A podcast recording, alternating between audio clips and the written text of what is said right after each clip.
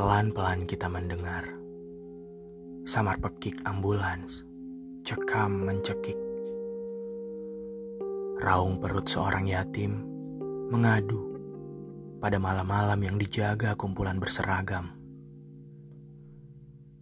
Air duka yang tak banyak bicara, tetapi betah dan menuntut tabah. Pelan-pelan kita melihat jarak antara kedip mata dan mati begitu kedap. Usia hanyalah proses menemukan usai.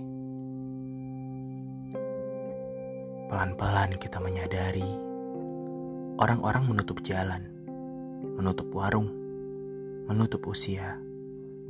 Tetapi satu-satunya yang tak akan tutup adalah pintu doa. Tuhan untuk siapa pun, bagaimanapun.